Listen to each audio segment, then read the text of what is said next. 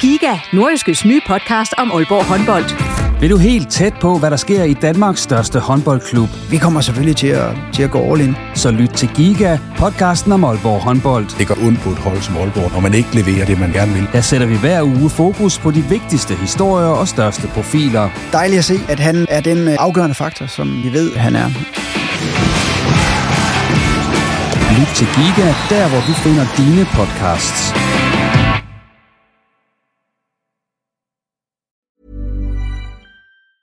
A lot can happen in three years, like a chatbot may be your new best friend. But what won't change? Needing health insurance. United Healthcare Tri Term Medical Plans, underwritten by Golden Rule Insurance Company, offer flexible, budget friendly coverage that lasts nearly three years in some states. Learn more at uh1.com. I'm Sandra, and I'm just the professional your small business was looking for. But you didn't hire me because you didn't use LinkedIn jobs. LinkedIn has professionals you can't find anywhere else, including those who aren't actively looking for a new job but might be open to the perfect role, like me.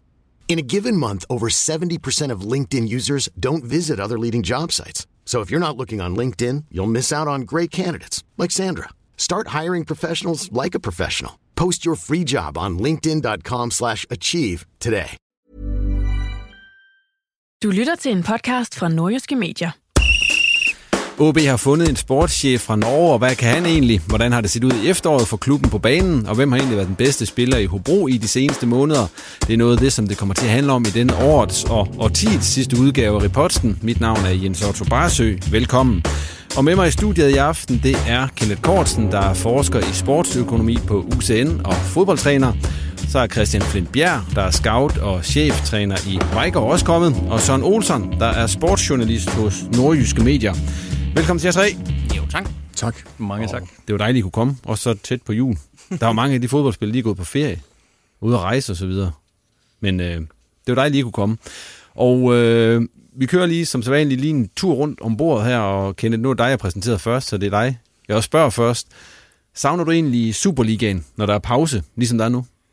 Jeg savner meget fodbold, når der er pause. Øh, sådan er det jo, hvis man følger med i det i, i tygt og tyndt, hvad enten det er international fodbold, eller dansk fodbold, eller for den sags skyld fodbolden også på, på, på lavere niveau. Jeg ser rigtig meget fodbold, både live og, og på tv, og, og Superligaen er jo den øh, fodbolddel, som er relevant for os øh, lokalt, regionalt og nationalt, så, så det betyder meget.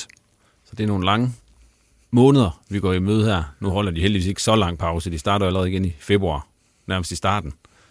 Ja, det må man sige. Nu tager jeg så til USA 1. januar og skal over og undervise og, og forske, så det passer sådan lige ind i, i fodboldpausen, og så kommer man tilbage med fornyet energi og klar til opstarten. Sådan. Christian, du er jo scout, som jeg også sagde, for Borussia Mönchengladbach. Og i den her sæson, der er det jo rigtig, ja, nu vil jeg sige, rigtig sjovt at være med ind omkring den klub, fordi de er med i toppen. Ja, det har du, det har du ret i. Uh, Bundesligaen er jo overraskende tæt i år. Øh, især i toppen er der ikke mange point, der adskiller. I går aftes var der en fantastisk kamp mellem øh, favoritten, øh, min favorit i år, øh, Red Bull Leipzig, øh, spillede på udebane mod Dortmund. Øh, men øh, vi, øh, vi kan komme af point med Leipzig i aften, øh, hvis vi slår øh, Paderborn, som på trods af, at de ligger helt i bunden, er et rigtig, rigtig svært hold at spille mod. Øh, så ja, det går rigtig fint. Nu har du været inde omkring det, Borussia Mönchengladbach, i noget tid. Kan man sådan, hvordan er stemningen dernede i øjeblikket?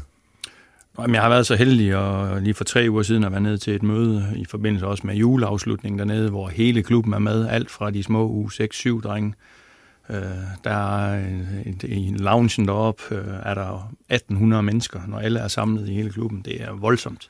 Og det er klart, at en sådan uh, juleafslutning, den, uh, der er højt humør, uh, når man kan fejre den som Spitzenreiter, som det hedder i Tyskland, tabellenfører. Så det er klart, at det... Men det, det forpligter os, og heldigvis er det jo tyskere, og de, de glæder sig, men de bliver ved med at knokle stenhårdt, så de kommer ikke sovende til det. Det bliver spændende at se, Meget. Borussia Mönchengladbach de kan holde ved resten af sæsonen. Det håber jeg. Søren Olsson, Ja, sidste gang du var her, kan du huske, vi snakkede om der? det kan jeg godt. Ja, det var fantasy football, Igen. og du var, Jeg var helt oppe at ringe. du var helt oppe at ringe. Ja. Par dage efter, så kom du, så var du ikke så meget oppe at ringe længere. Ej, jeg synes, jeg var uheldig. Ja. Øh, Fordi du blev ikke Danmarksmester, kan Jeg vi godt blev ikke. Danmarksmester Nej. i fantasy football. Nej. Øh, kommer i 8. finalen. Ja. Øh, scorer næsthøjeste scorer af alle de 16 hold, der er med. Desværre trækker man ham, der scorer højst. Han laver 125 point, jeg laver 123, ryger ud. Så har jeg jo sådan fulgt med sidenhen, øh, kunne se, at i øh, kvartfinalen, der ville jeg have lavet 144, den der lavede højst, der lavede 124. Og i semifinalen i den her uge, der lavede jeg 199, den der lavede højst, lavede 142. Så jeg føler mig lidt forfulgt af lodtrækningsuheld. Og det er jo ligesom øh, dit skud, det her. Ja, der kommer jo altid øh, ja, næste år, er det ikke det, de plejer at sige nede i, AGF, ikke? Jo, jo. Så, så, Ja, ja, ja, så, okay. så jo, jo, den, den får et skud mere næste år. Okay, men øh, der skulle du have held og lykke igen. Vi går i gang med udsendelsen, altså den mere seriøse del, der ikke handler om fantasy football. Og øh, det skal handle om øh, AB OB og Hobro, og så har vi drysset lidt øh, indkast ud over, fordi at øh, vi har et hængeparti i forhold til nogle indkast. Vi har sagt, at vi sådan ligesom samle op på dem her, dem vi ikke har nået at tage i nogle af de andre udsendelser. Så det gør vi også i dag. Men vi starter med OB. Øh, de meldte onsdag, og det er jo så den dag, vi optager ud, at øh, Inge André Olsen, han er klubbens sportschef, øh, Olsen. Det var jo ventet, at det var ham. Det var ventet, ja. Ja. Øh, det har jo været rygtet i lidt tid. Øh, Ekstrabladet var, var, var først med historien, skal vi huske at kreditere dem for, og, og alle de ting, vi så har kunne høre siden. Han har jo også peget, at det skulle gå i den retning. Nu må vi jo så lige se, hvornår han ankommer, fordi det er jo sådan, øh, indtil videre er det jo meldt ud, at han ankommer 1. april. Øh, og der er jeg jo så ret sikker på, at de to klubber går ind i en eller anden øh, forhandlingssituation nu, fordi øh, jeg tænker ikke, at OB kan være tjent med, at man skal vente så længe. Man har jo i forvejen gået siden slutningen af oktober uden en, en sportschef, og hvis man skal vente, så bliver det jo faktisk et halvt år uden en, hvad kan man sige, egentlig sportslig leder i klubben. Det synes jeg vil være lang tid. Øh, men jeg synes, han lyder som et, øh, et spændende navn. Øh, det, jeg sådan har kunne læse op på ham fra Starbæk, det vi har hørt rundt omkring, er, at han øh, er en mand, der er frem for alt er god til at sælge spillere. Øh, og det ved jeg i hvert fald, man har efterspurgt herude. Det er noget af det, man meget gerne vil. Øh, og så synes jeg frem for alt, at det er forfriskende, at OB øh, har kigget ud over øh, både regionale og landegrænser og fundet et navn, som vi ikke har set hjemme før. Det er ikke en, der er del af den der faste cyklus som træner eller sportschefer. Det er en, det er en ny mand, så for alvor noget nyt blod at få ind. Christian, øh, du kender ham jo lidt, fordi du har spillet mod ham oppe i Norge. Ja, det er måske lidt en overdrivelse. Men, Ja, men du kender til, du kender jeg har i hvert fald hørt navnet og før. du kender ja. til norsk fodbold. Ja. Hvad tænker du om den her ansættelse? Jamen, øh, jeg tænkte også, altså det er jo noget, der har været undervejs. Øh, vi hørte jo det her navn for et par uger siden, og det bliver så bekræftet i dag. Øh, jamen, han er en klubmand. Han har spillet øh, stort set... Han er, han, er, han er fra Sørlandet, som det hedder. Han er egentlig født Sørlandet. i øh, Kristiansand, øh, og har spillet i Starbæk og i Start. Øh, klart flest år i Starbæk. Øh, han var en forsvarsspiller, øh, og Ja, øh, jeg, jeg kan ikke huske så meget til ham. Øh, jeg, havde- jeg, Starbæk, det var nogen, vi altid var så heldige, at jeg, vi plejede at vinde over og score nogle mål mod, men han, han har været der, og han har fået ros. Øh, Starbæk var et top 4-5 hold i, i den årrække, hvor jeg spillede derop. Øh, har så haft lidt en periode med, med øko, økonomiske problemer og sportslige problemer. Er også nu en klub, som er helt afhængig af os, af os selv. Der er ikke vold, voldsomt mange penge. Der er ikke en pengemand længere, der står og putter en masse ting i det. Øh, så de har, de har en hold, som, hvor de bygger meget på lidt ala OB. Deres egen avl, som skal ind og spille, som skal ind og, og tage ansvar, som skal ind og levere, og som skal forhåbentligvis sælges videre, når de er dygtige nok. Øh, jeg læste, at øh, sammen med en, som hedder Ingebrigt Sten Jensen, som også allerede da jeg var deroppe, var mastermind i Starbæk, der bliver Inge André Olsen øh, betegnet som den næstvigtigste person i Starbæk som klub. Og hvis det er korrekt, jamen, så har OB jo gjort et, et fantastisk øh, scoop ved at hente den her mand. Jeg siger ligesom Olsen, jeg synes, det er monster positivt. Alle står altid og råber, at der, er- det er kammerateri derude, og man henter kun dem, som man kender, og dem, som man ved. Her har man taget øh, noget friskt, man har taget noget, som, som man ikke rigtig kender til, udover at der er en, en vis kvalitet, som man selvfølgelig kan, kan, kan undersøge i forbindelse med det arbejde, han har gjort i Starbæk. Så jeg, jeg ønsker ham held og lykke, og jeg synes, det er, det er modigt, og jeg synes, det er fedt, at, at man prøver at kigge lidt øh, ud over de normale emner, som, som måtte være herhjemme, og dem, som, var, som lå lidt mere til højre benet og ansæt. Og for at blive det, så, så synes jeg også, det er positivt, at man ligesom fra start af havde pinpointet nogle egenskaber, som begge de to folk, man har ansat, både fodboldchefen og sportschefen, skulle have. Og man har virkelig fundet folk, der ligesom lader til at have de egenskaber. Altså Søren Krog øh, talentskaber i, i Nordsjælland igennem en årrække, ikke? Altså, og det er jo lige præcis det, der skal være fokus i OB også. Og her er en mand med, med fokus på, på, på indtægter og salg, og det er jo det, man mangler i øjeblikket, hvor man øh, står i, i ikke økonomisk krise, men hvor økonomien kunne være bedre i OB. Men når man sådan ser hans meritter op i, i Starbæk, så dem nævner OB jo også i det, de sender ud i dag. Der, der snakker vi en tredjeplads i 15. Ja, det er jo ikke sådan, man falder på halen over det, for det er jo også ved at være mange år siden. Ja, ja, det er det. Ja. Øh, men, men det er jo, man kan så sige, Starbæk er jo heller ikke en permanent topklub. Altså, de havde jo lige en periode der tilbage i 8, 9, 10, 11, hvor de var helt fremme og lege med, og vel også fik et enkelt mesterskab. Ja, de vandt suverænt, så øh, der havde de jo nogle spillere, som blev solgt for voldsomt store beløb. Lige præcis. De havde en brasilianer, der blev solgt til Tyrkiet, til en af de helt store klubber. Øh, de havde en islænding, som også var rigtig, rigtig dygtig. Øh, Vejgaard Pal Gunnarsson, tror jeg nok, han hed. Ja. Så det var en helt anden tid Så, så, så, og siden da har de så været øh, mere, mere, hvad skal man sige, udviklingsklub, øh, som de nok også mere ligger til at skulle være. Men det kan man sige, det er jo lidt som OB også har været, at man lige popper op en gang imellem og siger, hej, så vi napper lige et mesterskab, og så smutter vi lidt ned igen. For, for mig er det også afgørende det her omkring kompetencer og strategi, som vi snakkede om, da vi diskuterede både fodboldchef-rollen og sportschef-rollen for nogle uger siden. Ja, for det gjorde vi sidst, du var Ja, i, øh, i reposten, og, og der handler det for mig ikke så meget om, øh, hvad Starbæk har bedrevet tidligere, men man kan også godt finde profiler, øh, spillerprofiler på et bundhold. Så for mig handler det om kompetencerne hos personen. Hvad er personligheden? Hvordan passer det ind i den kultur øh, og DNA, der er i OB? Og så ikke mindst, hvor er det OB ser sig selv om fem eller om syv år? Det er jo den fremtidige retning, der skal sættes nu her, hvor kompetencer bliver alt afgørende, men også sådan noget som personligheden i forhold til samspillet med den eksisterende stab. Øh, og der må man jo også formode, at der har været en dialog med de centrale figurer i, i den sportslige stab i OB. Kenneth, tror du på, at det bliver 1. april, inden vi ser ham ud på Hornevej? det vil ikke være optimalt set fra en, øh, en sportslig vinkel, at man får en ind, øh, når turneringen er i gang, så, så hurtigt som muligt. Og der tror jeg, ligesom Søren siger, at øh, der selvfølgelig finder en forhandling øh, sted. Det er jo det, man typisk ser. Og vi ved, at, at det her omkring transfers af spillere eller øh, folk i den sportslige stab jo altid er, er, hvad kan man sige, genstand for det, jeg kalder sådan øh, Øh, set fra en teoretisk vinkel et, et transformationsøkonomisk fundament. Det er sindssygt vigtigt i en fodboldklub, fordi man får folk ind, hvad enten det er profiler på spillersiden eller uden for banen, som skal være med til at løfte noget og gøre en forskel. Det er jo det, du bliver vurderet på uh, at the end of the season. Jamen lige i forhold til det her, om man står her før, det er jeg ret sikker på. Den øh, norske Tivoliga, den begynder også omkring øh, midten af marts, april.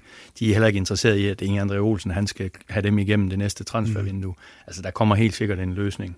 Det er nok af økonomisk karakter, og ja, så må vi jo se, om, om, om den kan løses. Men der er jo ingen af klubberne, der er interesseret i at vente til 1. april. Hvor hurtigt tror I ham, at han sådan ligesom skal bevise sit værd i OB?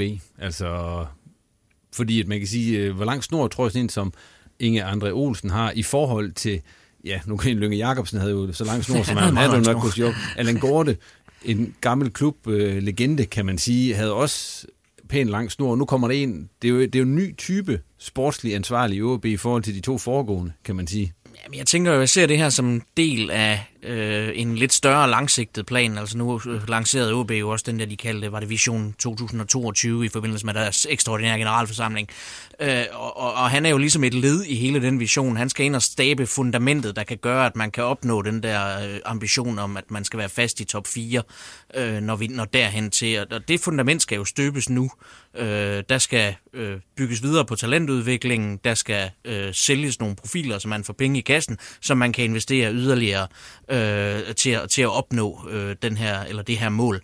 Øh, så altså, det er ikke en mand, man henter ind for at smide ud igen næste år, stort set uanset hvad der sker, vil jeg næsten sige. Så skal der være, fordi at der er nogle, nogle ting, der alligevel ikke passer sammen i samarbejdet. Han er, mm. han er mhm. hentet ind for den lange bane, som jeg ser det. Og I nikker begge to. Men det er lidt, det er lidt et profilskifte for OB, mm. altså i forhold til, de har haft to sportschefer, kan man sige, indtil videre, mens de har været... Øh, Ja, profil, ja. det ved vi jo først, når han kommer i gang med arbejde. ja, ja, selvfølgelig er han, han er nordmand, han, han, han har en anden måde at tale på, ikke også, end dem, der har været der. Han har en anden historik, han har ikke været i OB i, i mange år. Øh, men altså, selvfølgelig er det en langsigtet plan, som, som Olsen siger, men vi ved også godt, hvordan, altså hvis der nu kommer et, en halv sæson, hvor at OB nærmest bare går fra nederlag til nederlag, jamen, så ved vi også godt, hvordan presset det kan blive. Ik- ikke, at jeg skal stå her og sige, men øh, vi går alle sammen ud fra, at OB har gjort sit forarbejde. De har lavet de her samtaler, de har fundet den profil, der passer ind. De har fået lagt den strategi øh, 2000, og hvad var du sagde? 22. 22 lige præcis. Øh, det her er ikke en, en hovsaløsning, der er truffet og, og skal vare et halvt år ad gangen, og så må vi se. Det er en langsigtet plan, og, og det håber og tror jeg da på, at, øh, at den også kommer til at gå i hus. Ja, det er også der, jeg synes, strategi er interessant, både i forhold til, til fingerspidsgefyl eller den her intuition, men selvfølgelig også det datadrevne, altså det her med, at man er godt forberedt i forhold til, hvad det er for en profil, man får ind, så står man også bedre i de her kommende vinduer, men et transfervindue er jo heller ikke noget, man ser resultatet af i overmorgen, altså det er jo det her med, at det tager tid at spille nye spillere ind på et fodboldhold, og øh, hvordan påvirker det omklædningsrummet, når spillere forsvinder eller spillere kommer ind. Det handler også om, at man har fingeren på pulsen i forhold til at forstå kulturen i den kontekst, man er i, og der skal han selvfølgelig også øh, have en fase til at komme ind i den, og selvfølgelig have den her øh, vigtige dialog med den eksisterende sportslige stab, der jo alt andet lige er, er afgørende, fordi kultur øh, og sammenhængskraft afgør fodboldkampe og afgør præstationer over tid. Og så kan man jo sige, synes jeg, at hele processen nærmest har, har vist et eller andet tegn på, at OB sådan professionelt er ved at løfte sig en smule. Jeg kan huske for nogle år tilbage, der grinede man af FC Midtjylland, da de snakkede om 2020-planer og mesterskaber osv. Men det er jo en klub, der har arbejdet meget, meget målrettet efter at nå nogle bestemte ting, og de har jo nået det, de ville. Øh, I OB har de jo aldrig meldt ud med de der visioner eller planer før, eller sagt, vi skal det og det, men det er måske det, der skal til, at man sætter sig nogle faste mål, og så går direkte efter at nå dem, for at man kommer op og er den faste del. Fordi igen, vi har jo set OB være tophold en gang imellem, men så er det gået meget hurtigt med at falde ned, ikke i anonymitet, men lidt i den der bløde mellemvare. Øh, og hvis man vil opnå fast at være en del af toppen, så skal der altså nogle, nogle større boller i suppen, kan man sige. Altså, der skal være mere kontinuitet, der skal være mere professionalisme, øh, og der skal være bedre økonomi, og, og det er jo noget af det, man skal være med til at skabe nu her. Men nu den nye sportschef her, Alf, eller Inge André, Inge André. Som, som han hedder, han skulle så være med til at indfri det mål her om top 4, som så lige pludselig er, er kommet ud. Det kommer i en tid, hvor OB har blodrøde tal på bundlinjen osv. Er der helt overensstemmelse mellem, at man nu kommer ud og, og melder ud, nu skal vi i top 4, og så samtidig bøvler så meget med økonomien, som de gør? Jamen det er der jo kun, hvis man, øh, hvad kan man sige, er villig til at investere på den korte bane, for at man skaber grundlaget for, at indtægterne kommer ind langt. Øh, det havde jeg jo også en længere snak med, med bestyrelsesformand Torben Fristrup om i sidste uge, hvor han siger, at jamen, hvis det er noget, der skal til, at vi bruger lidt ekstra penge nu, så må vi se, om vi ikke kan finde dem, fordi at det, der også sker, når man bliver tophold, det er, at der kommer en synergieffekt. Dels bliver spillerne mere kendte, derfor kan du tage en større pris for dem. Der kommer flere tilskuere på stadion. Hvis der er flere tilskuere på stadion, så er der mere omtale. Er der mere omtale, så kommer der, øh, så kommer der flere sponsorer osv. Så, så alt det der, det hænger ligesom sammen. Øh, så skal man nå derop, så skal man ligesom have en sæson, hvor man starter derop. Og det kan godt være, at det kræver en, en investering nu, som, som man må ud og finde. Øh, og det er jo så også derfor, man har øh, lavet den her mulighed for, at man kan gå ud og, og lave en, en ekstraordinær aktieemission, øh, hvis, hvis der skal lidt ekstra penge i kassen. Og det skal der nok. Og det skal der nok, ja. Ja, det er jo nødvendigt, ikke? Altså, man har hentet spillere ind som Forsum og Talenter er kommet ind. Man har Lukas, så det er jo spillere, der alt andet lige påvirker driftsbetingelserne. Også på den økonomiske front, og der bliver på kort Altså sigt et kritisk skæringspunkt, som du er inde på, Søren. Selvfølgelig også det her med, formår man at holde sig i top 6 i, i, i foråret, ikke? Fordi presset både fra medierne, men også fra den økonomiske front stiger jo også, øh, hvis man ikke indfrier den forventning, ikke? Øh, med nogle af de spillere, der er kommet ind. Men altså balancen i forhold til, til at han kommer ind nu her, handler jo også om, at man formår at holde ved det gode i den eksisterende trup, fordi der har vi ikke set det fulde potentiale endnu, fordi man har fået nogle gode spillere ind, øh, hvor relationerne endnu ikke er, er optimeret i sådan 100% forstand, og, og der tror jeg, der er en masse udfoldet potentiale stadigvæk. Vi fløjter den her, fordi, øh, og vi fortsætter sådan lidt på den kurs, du havde sat der, Kenneth, fordi vi skal have dommen over OB's efterårssæson, og vi, vi skal give karakterer, og det er ud fra nordjyskes øh, karakterskala, og der kan man give fra 0 til 6 bolde. Og 0 det er det dårligste, skal jeg så lige, hvis jeg skulle være i tvivl. Ikke? Øhm, Christian, vil du starte med at... Jamen, det vil jeg godt. Øh, først og fremmest vil jeg sige, at det er jo et eller andet sted er skæringspunktet for mig, men øh, det kan vi jo selvfølgelig ikke gøre, fordi at, øh, der bliver ikke skåret nu. Det bliver der om de her, er det seks kampe der? Ja. Yes. Ja. Øh, og hvor står OB på det tidspunkt? Men altså, vi bliver nødt til at gøre det nu, og Jamen, der har været gode præstationer, øh, og der har været mindre gode. Og OB ligger lige nu, hvor vi står og taler, ligger på den her 6. plads, som giver. Så for mig må det blive sådan et eller andet sted midt i, og det, det bliver, det bliver et tretal for mig. Tre bolde? Ja, det bliver ikke mere. Ja. Du er jo ude se den sidste kamp. Jamen, jeg har set OB en del, ja. ja men, efteråret. men uh, den Nordsjælland-kamp, det var et skidt uh, aftryk, eller indtryk og efterlade. Ja, det var det. Der er ikke nogen tvivl om, at spillere og ledere og alle havde lyst til at, at tage på ferie. Det har man, fordi der er lang tid til, man skal i gang. Man har lyst til at, at, at, at gå på ferie med en god følelse. Og det gjorde vi spilleren på ingen måde. Der var, der var simpelthen for lidt... Øh, øh, ja, store boller i suppen nævnte du lige før, ikke? Altså, der, der var simpelthen for lyst. Kommer jeg til der, var simpelthen, der var simpelthen for lidt øh, vilje, og der var, der var, der var, jeg så, ud over Lukas, så så jeg det ikke, og til dels lidt Okora, så så jeg ikke ret mange spillere, der har lyst til at tage afsked fra, fra det her år 10, for altså nu gør det rigtig bombastisk, ikke? Med maner. Det var sådan lidt en flad Lidt det var en rigtig, rigtig under, flad. Under 4.000 ja, Jeg ved ikke, om de frøs lige så meget som os, der sad ude på...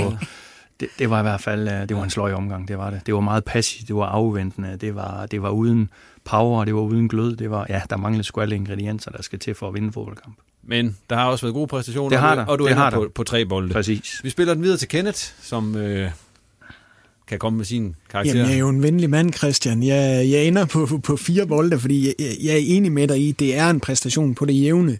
Jeg tipper den over til en fire på grund af det her øh, skæringspunkt med, at man når øh, top 6 øh, i, i efteråret, trods alt, fordi jeg er enig med dig. Jeg, jeg var også på stadion i, i weekenden til Nordsjælland-kampen. Det var ikke optimalt, og det er jo på det jævne, hvis man har otte sejre, fire uafgjorte og, og, og fire nederlag. Øh, man har haft den her steam undervejs. Otte nederlag, var det ikke? Jo, otte, ja, otte ja. sejre, otte nederlag ja. og fire uafgjorte. Ikke? Man har haft den her steam undervejs øh, i oktober med sejre over Hobro og, og Sønderjyske og, og, og OB. Jeg lader mig ikke sådan rive med negativt af den her præstation mod, øh, mod Nordsjælland. Øh, der var det her første mål af Akudo, som var ekstraordinært godt lavet, så kan vi altid diskutere øh, situationen, ikke? hvor jeg mener, at de er klart i numerisk overtal. Ikke? Jeg tror, en tre, tre spillere i, i, i overtal dernede, ikke? og det kan man godt uh, lukke de bedre... Der penge ind igen. Ja, det, ja, det, det, det kan man godt lukke bedre af for, ikke? men, men øh, det er det kritiske skæringspunkt for mig, det her med, at man har fået spillere ind, som ikke er 100% spillet ind endnu, men man realiserer trods alt øh, top 6 i, i, i det her efterår, og det vipper den fra, fra 3 til 4 bolde. Over middel karakteren der, Olsen. Og du er ekspert i den her skala. Simpelthen, ja. jeg bruger den ofte. Ja, hvad, hvad, og har ry for at være den brutale... Du gav jo... Øh... Jeg gav et 0 i, i, i fredags, ja. uh, ikke til hele holdet dog, skal det siges. Det var bare til en enkelt spiller. Det var til en enkelt spiller, men nej, altså, jeg, jeg synes, vi bliver nede på tretallet i min vurdering. Uh, godt nok er man i den der top 6, men nu har jeg også... Jeg havde æren af at se dem i begge kampe i sidste uge. Jeg havde også turen til Odense om mandagen, Øh, så man kan sige, jeg har ikke fået det gode indtryk til at slutte af på, fordi det var altså også en tam fornemmelse fornemmelse, selvom det blev til et, til et point i Odense. Øh, jeg synes, tallene siger det næsten selv, 8-4-8. Øh, det bliver vel ikke meget mere middel end det. Øh, og så er der nogle præstationer, der trækker op. Jeg har været til begge Horsens-kampene, som jo var sande fornøjelser at se på, hvor, hvor OB virkelig sprudlede. Øh, men jeg har altså også været til nogle af dem der, der absolut ikke har været sande fornøjelser. Øh, så sådan, når jeg afvejer det hele, så synes jeg, at vi bliver på en, på en middel, øh, men med mulighed for, at der kommer en god pil op i foråret. Men, men jeg synes også, præstationen, det er jo interessant at sætte præstationen i forhold til ressourceallokeringen. Og hvis vi kigger på, på klubber som FCK, som Brøndby, som FC Midtjylland, så er det tre hold, der bare er gearet på et helt andet niveau, også økonomisk. Øh. Og der har man så OB, der trods alt i de her 20 kampe, selvom jeg er enig i, at det er på midler, man har været langsomt startende i de seneste kampe, ikke? og der har været nogle graverende fejl, hvor man tænker, pivoetten, det ser godt ud for, for tilskuerne, men ikke hvis man smider den væk efterfølgende og taber restforsvaret meget, ikke? Øh, men, men jeg synes, den der del er vigtig også ligesom at sætte det i forhold til, så er der trods alt tre pladser tilbage, og der hiver man en af, af de pladser. Også med den turbulens, der har været i klubben med trænerfyring og alle der ryger. Altså, det er også noget, som påvirker hverdagen øh, for de her spillere. Frises sygdom, hvor jeg mm-hmm. synes altså nede i Sønderjyske til den kamp, den del takler de jo fornuftigt. Ekstremt, ja. Nu nævner du pirouetten, uh, Kenneth. Altså, du har været i, i Norge, Christian. Altså, jeg, jeg synes, jeg har set mange norske midtbanespillere, der er meget glade for den der. Altså, Ståle havde den lidt, Vinsnes havde den især. Det er rigtigt, var jo i Forsum, laver den også meget nu. Er det noget, man lærer i Norge? Pas, jeg lærte den i hvert fald ikke. det var nok meget godt. Ja. Øh... Det kan være, at André han kan den også. ja, det kan vi teste. Og du var længere fremme på banen, Christian, så det var mere godkendt Jeg røg tit ind i ham, ikke? ja. Jeg røg tit ind i ham. Jeg skulle, jeg skulle lave noget andet end pirouetten, for at komme forbi ham. Jeg har også skrevet, hvilke kampe fra efteråret bør Friis bruge, når spillerne skal se, hvordan de ikke skal gøre tingene. Altså, det er jo det, man lærer nok mest af sine fejl. Ja. ikke? Så hvad, hvad, tænker I? Jamen, der synes jeg jo, de sidste to er et godt sted at starte. Øh, frem for alt de to første halvleje, man har spillet der, hvor man jo slet, slet, slet ikke er kommet ud til kampen, hverken i Odense eller på hjemmebane mod Nordsjælland. I Odense, jo, der var meget snak om noget vind og, og, og, og sådan noget, men det var, også, det var også i hele udtrykket, det var i hele øh, attituden, ville Hamren have snakket rigtig meget om i gamle dage, øh, der, som jeg synes, der manglede øh, mod Nordsjælland også. Altså, det er jo et af de hold, som OB faktisk kan kyse fysisk, øh, og det var man slet, slet ikke ind at gøre nok. Øh, så der manglede, øh, du nævnte det også før Christian, du så Lukas og måske Jures, der, der ville det. Den, den, den synes jeg, jeg manglede, og det har jeg gjort lidt her i, i de sidste par kampe, så det synes jeg vil være et godt sted at starte. Så de sidste to her. Ja. Første halvleg i hvert fald. Ja. Begge to. Øhm, hvem er efterårs spiller i OB, og hvem er efterårs største skuffelse? Jamen, jeg, har, jeg har tre mand. Som efterårsspiller? Ja, hvor, øh, de, hvor der er en etter, en toer og en treer. Okay. Så hvis jeg må holde lov Du- til det. Du har simpelthen... Øh, Ja, men det har jeg. Jeg har lavet øh, et podium. Lavet simpelthen. mere, Ja. end du skulle. Hvis vi starter ved nummer tre, Ja. ja. øh, en spiller, som øh, vi alle sammen kan se, har et kæmpe potentiale, men som selvfølgelig også har rigtig mange ting at lære. Ikke desto mindre har han lavet øh, et, et stort antal mål, synes jeg, hans unge alder taget i betragtning. Det er ikke altid lige lækkert, det han løber laver, og det, det, må, vi, det må vi nok indrømme, men øh, Mikkel Kaufmann, er det syv mål, han har lavet her ja. i efteråret, som 18-årig. Mm. Det er der altså ikke mange, der kan, der kan rynke på næsen over. Det synes jeg er godt gået. At han så har fået flere minutter, på grund af, at Van Vert har døjet lidt med, med øverste etage. Og ikke, ikke, øh, han har slået hovedet, det var det, jeg mente. Øhm, men det synes jeg, det er, det er stærkt, selvom vi alle sammen kan se, at der, er- der er noget, der skal forbedres. På en anden plads, så har jeg, jamen, jeg bibeholder sgu min kærlighed til Norge. Jeg synes, Ivar Fossum øh, startede rigtig, rigtig godt. Og vi kan se, at øh, i de kampe, hvor han rammer det niveau, som vi ved, han kan, så har Lukas en, han kan boldre sig med, en, han kan spille med, en, øh, en, der spiller fremad, en, der har drive, en, der kommer med alle de ting, som man rigtig gerne vil se hos en midtbandspiller hos OB. Øh, men øverst, uden tvivl for mig, øh, har været Lukas Andersen. Han er saltet i suppen hos OB, hvis vi nu skal bibeholde de her klichéer. Han, han, han, han, jeg synes, han går forrest som den, øh, som den spiller, han er, der er blevet hentet ind, der skal tage ansvar. Det synes jeg, han gør på kuglen. Jeg synes, han, øh, han forsøger hele tiden. Det er ikke alt, der lykkes for ham.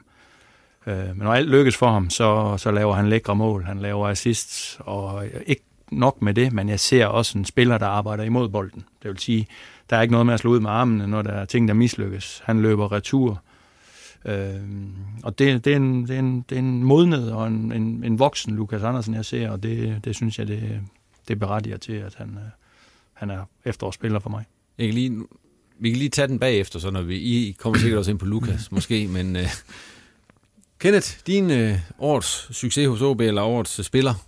Jamen altså, jeg synes jo også, Kaufmann har gjort det godt. Ham nævnte jeg også sidste gang, jeg ja. var her. Øh, unge spillere, stadig U19-spillere, men, men Lukas er for mig at se os nummer et. Han har været vanvittig god, han har bidraget med mål, og så vigtigst, han har taget sin anførerrolle på en god måde, som, som jeg ser det udefra. Det styrker samlingskraften på, på holdet, såvel på som uden for kampen, og det virker som en rigtig god løsning fra, fra Friis, og tilbage til det spørgsmål, du stillede før, hvad kan de tage med? Jeg tror, at Friis som træner, han kigger fremad mod foråret, men altså moralen bør jo være, at, at intet kommer af sig selv i, i Superligaen, og det så man allerede i den første kamp over i Lyngby, øh, da turneringen startede i, i sommer, men vi har også set det her i de, de sidste kampe, at det er ikke godt nok at spille en god... Øh, god halvleg. Altså, der er ikke noget, der kommer af sig selv, og forskellen øh, mellem mange af spillerne og, og mange af holdene i Superligaen, den er ikke så stor, så det handler om at, at være klar til at yde, hvorfor den her mentale del af, af spillet, som, som jeg ser det, den må man ikke øh, underkende i forhold til, det er jo det, der i scenesætter det taktiske, øh, det fysiske og, og, og hvad kan man sige, det tekniske. Ikke? Er du ikke parat til at modtage bolden, så ruller den, ruller den under foden. Er du ikke klar og forberedt op i hovedet, jamen så passer du ikke din taktiske øh, del af spillet, og er du ikke øh, motiveret, så tager du måske ikke det returløb, øh, det kræver. Øh, øh, så, så den del er bare sindssygt vigtig, særligt i en tæt liga. Er det tre gange Lukas? Ja, men det, det er det. Øh, f, øh, fordi han er den, det kommer fra, hvis OB for alvor har øh, de der dage, hvor de rigtig ruller sig ud, så er det Lukas Andersen, der er den primære kreatør. Og han er også en fighter. Jeg så jo, at mod Nordsjælland så jeg lidt af det der, jeg ikke havde lyst til at se. Der var en lille smule af det der slående ud med armene og sådan noget der. Øh, lidt frustration til allersidst, men ellers har han været der den, var jeg gået. der har været gået forrest.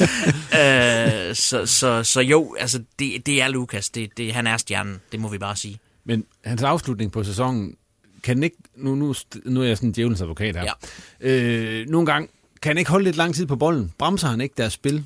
Lige... Det så man i hvert fald i fredags, nogle situationer, hvor han gør. Men også ned OB. Og vel også, og, også og, og, og Hobro også. Altså, også, ja. ja. Ja, men der vil også godt lige forsvare ham. Det er ikke, fordi jeg skal forsvare ham, men det, det har jeg lyst til at gøre. uh, de kampe, hvor han slipper bolden til tiden, det er jo fordi løbende de går mm. fra de andre, og, og de mønstre, som de løber og træner, jamen det gælder om, det, det drejer sig om timing, det drejer sig om præcision, og Lukas er så klog og dygtig en fodboldspiller, og så teknisk dygtig. Hvis han ser, jeg kommer ind i en position, og så mangler jeg løbet for, lad os nu bare sige Busting eller Kaufmann, så tænker han, nu er han ikke i position, hvor han skal have kuglen, så holder jeg på bolden, og ja, så kan det godt, så kan det godt se ud til, at han bremser spillet, men altså, hvem er det, vi, hvem er det der skal have bolden, hvis OB har problemer? Jamen, det er Lukas. Mm. Øh, så jeg kan sagtens følge dit spørgsmål, men for mig er det, er det sådan, at det er. Altså, det skal helst ikke være Bosting, der skal have bolden alt for mange gange, må vi bare erkende. Ikke? Altså, så, så skal vi løbe retur. Ja, du har den der pointe, ikke? Altså med, at han kan afgøre kampen. Altså han kan gøre det samme, som Kudus gør imod OB, ikke? Men det er også et spørgsmål om, der kommer et løb i blind vinkel. Der er to forsvarsspillere, der ikke får snakket sammen. Og så sidder man og jubler øh, selv som, som noget over. Det er fandme et flot mål, det der. Det er en god aflevering. Det er perfekt timing i indløbet. Det er godt sparket i, ikke? Men der er jo også en, en modstanderdel, hvor man kan sige, der er noget passivitet, der er noget manglende... Øh, øh, koordinering, ikke? fordi de er, de er folk nok dernede i, i den situation. Så jeg er helt enig, Christian. Altså, øh, tempo og flow i spillet handler jo også om bevægelse uden bold, og er der medspillere, der ser mulighederne omkring anden og tredje bevægelsen, og måske har den samme spilintelligens, det kan jo så diskuteres. Skuffelsen i OB. Må jeg starte Ja, du må gerne starte. Jeg har to. Det er da helt vildt som... Ja, men det, det, det, og det er faktisk to af, af dem, der er kommet til i år. Øh, jeg starter med Rasmus Talander. Øh, vi husker alle, hvor god han var, øh, da OB vandt The Double for, for fem år siden.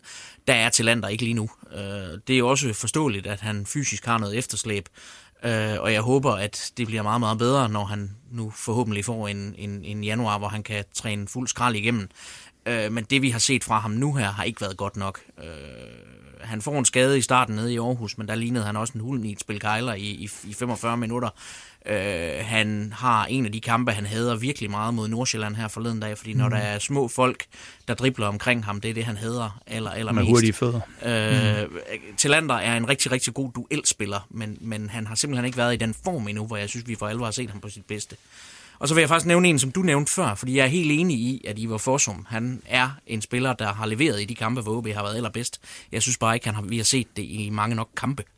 Øh, fordi det er helt tydeligt, at den mand han har et gigantisk potentiale. Hans løbearbejde er stort. Han har god teknik. Han har godt blik for spillet. Øh, jeg tror, han kan blive en rigtig, rigtig stor gevinst, og vi har set det for eksempel i to kampe mod Horsens, hvor, hvor, hvor ham og Lukas virkelig har fundet hinanden. Men jeg synes simpelthen, der har været for mange kampe, hvor han har været for anonym, hvor vi ikke har set de der løb, hvor vi ikke har set de der afleveringer. Så jeg synes lidt, han har skuffet, fordi jeg synes, det er meget tydeligt, hvad han kan. Kenneth, hvem er din skuffelse?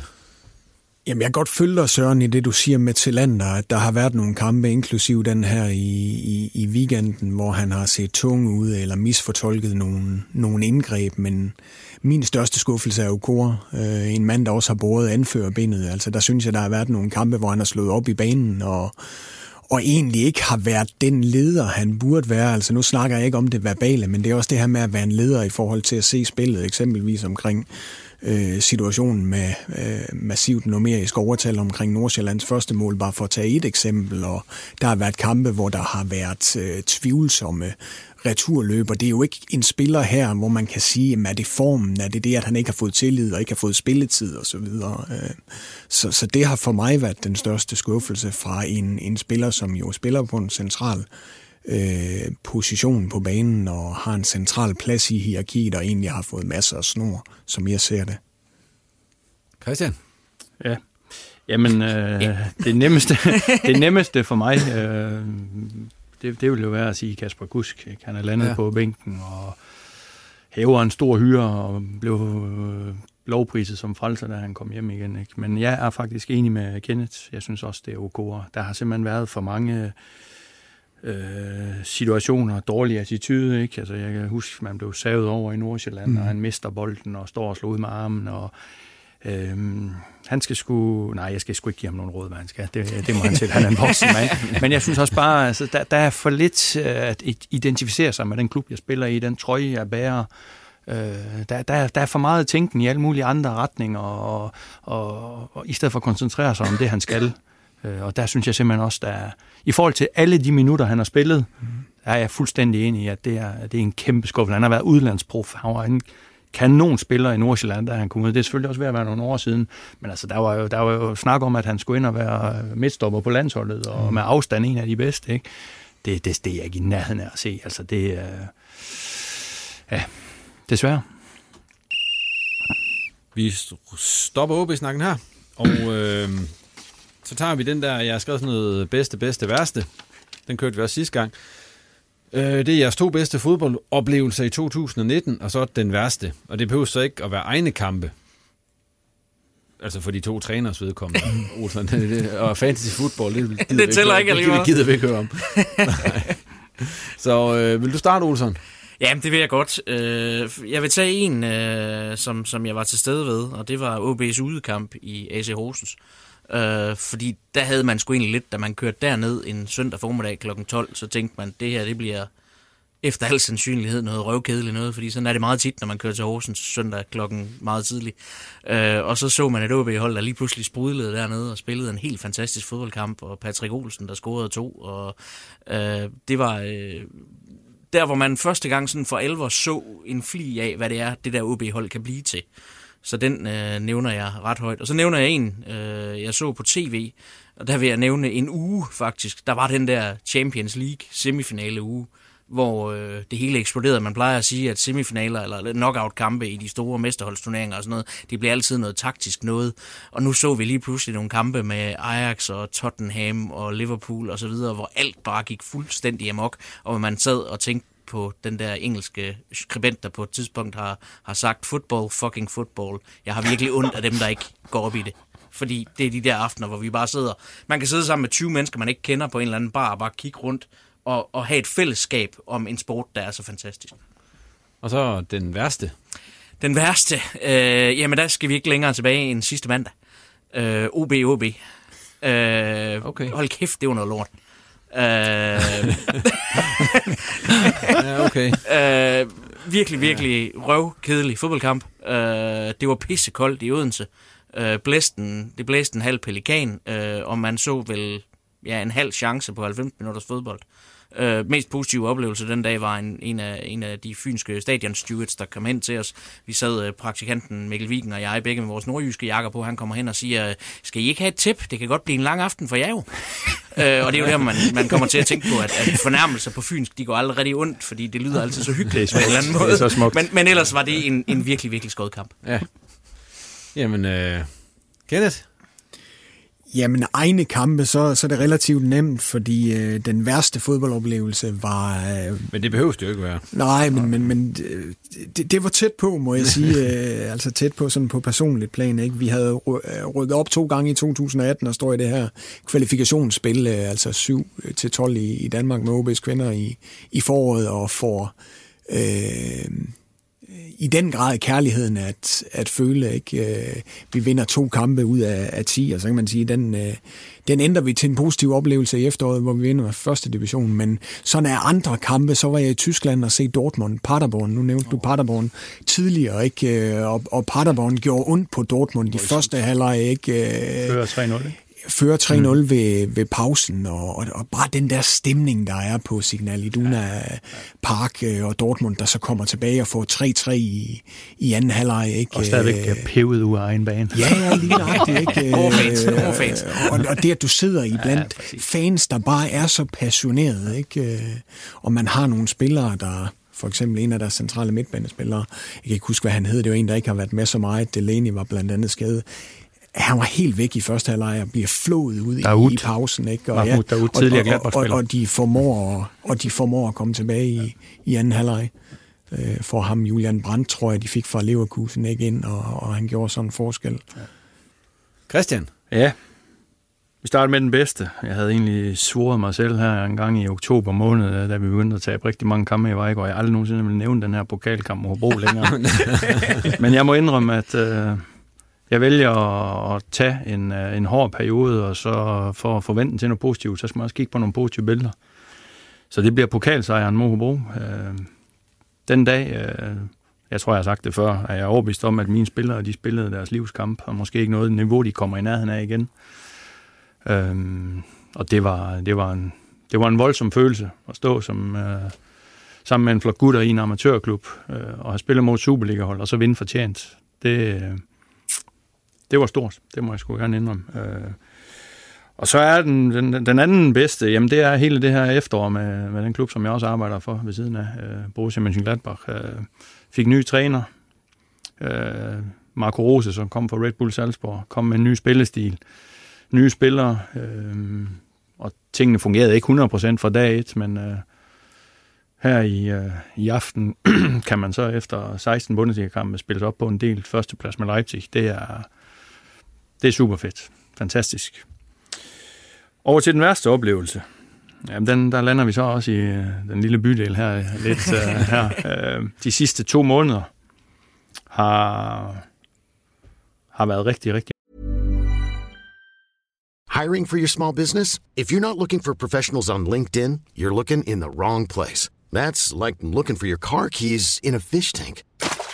LinkedIn helps you hire professionals you can't find anywhere else, even those who aren't actively searching for a new job but might be open to the perfect role. In a given month, over 70% of LinkedIn users don't even visit other leading job sites. So start looking in the right place. With LinkedIn, you can hire professionals like a professional. Post your free job on linkedin.com slash achieve today. For, for mig og mit hold og mine gutter. Uh, især når man i to år og to-tre måneder stort set bare haft en, en, en kurve og en, en sportslig pil, der har, der har peget i en retning. Øh, overtog et hold, der rykkede ned fra Danmark, serien mistede et hav af spillere. Vi har bygget noget, noget enestående op derude. Øh, så rende ind i en steam lige pludselig, som afløste en steam på otte kampe uden nederlag, øh, og så øh, til at spille 10 kampe uden sejr der kan man se, hvor hurtigt det går i fodbold. Øh, men altså, bare spørg træneren i Werder Bremen, som sidste år blev kåret som årets træner i Tyskland. Tabt 5-0 til Mainz i går, og ugen før det 6-1 i Bayern München, Bayern, ja. og har mm. direkte øh, retning ned mod øh, nedrykningspladserne. Altså, sådan er det i fodbold. Det er, som du sagde, football, fucking football. Ja, ikke? lige præcis. yes, tak for dem. Og øh, så springer vi lige over til Hobro fordi I også øh, gået på ferie. De spillede uafgjort for en gang skyld i sidste runde. Det var så 11. gang ud af 20. Og øh, vi skal også lige give Hobro en karakter samlet for, for det her efterår.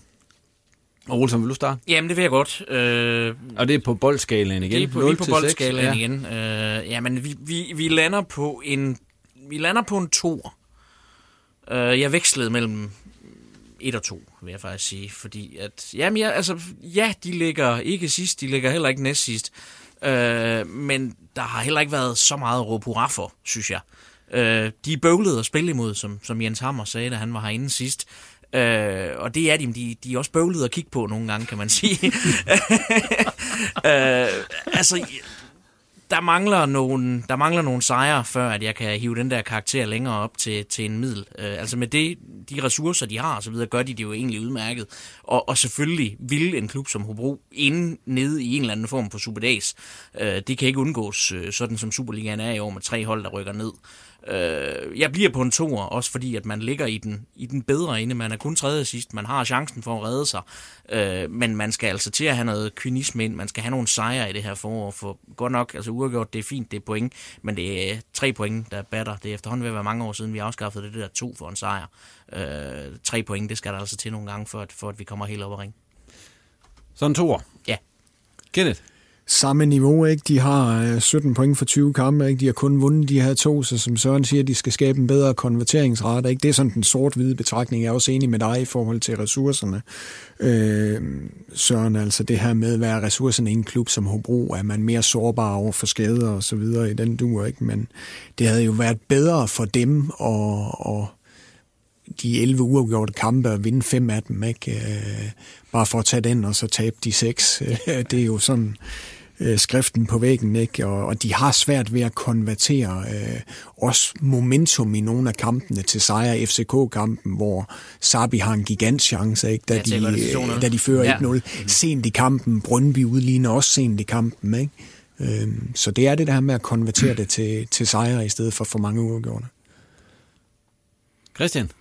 Jeg er meget enig med, hvad der bliver sagt. Igen, så min holdning er, at hver eneste plads, som Hobro står på, som ikke er den sidste plads, jamen, det, ja. det synes jeg faktisk er øh, en præstation. Og det er de også godt klar over dernede. Og det er jo deres styrke. Hvis man ser på, hvad der er blevet bygget op nede i det her lille hul, nede i skoven i Hobro, øh, så synes jeg bare, det er imponerende. Og der er ingen, der ryster på hånden derinde, dernede. Der er ikke nogen, der bliver stresset. Der er heller ikke nogen, der lige rynker på næsen over Barbarian, og siger, at nu vil jeg til at væk. Øh, men, men øh, så, så jeg er helt enig med det, der bliver sagt. Selvfølgelig skal de også en gang imellem vinde nogle kampe. Øh, vi ser bare, hvor sindssygt afgørende det er for Hobro, at, at alle mand arbejder for det, der tæller dernede, og det er holdet. Der må ikke være nogen, der afviger for meget på det der.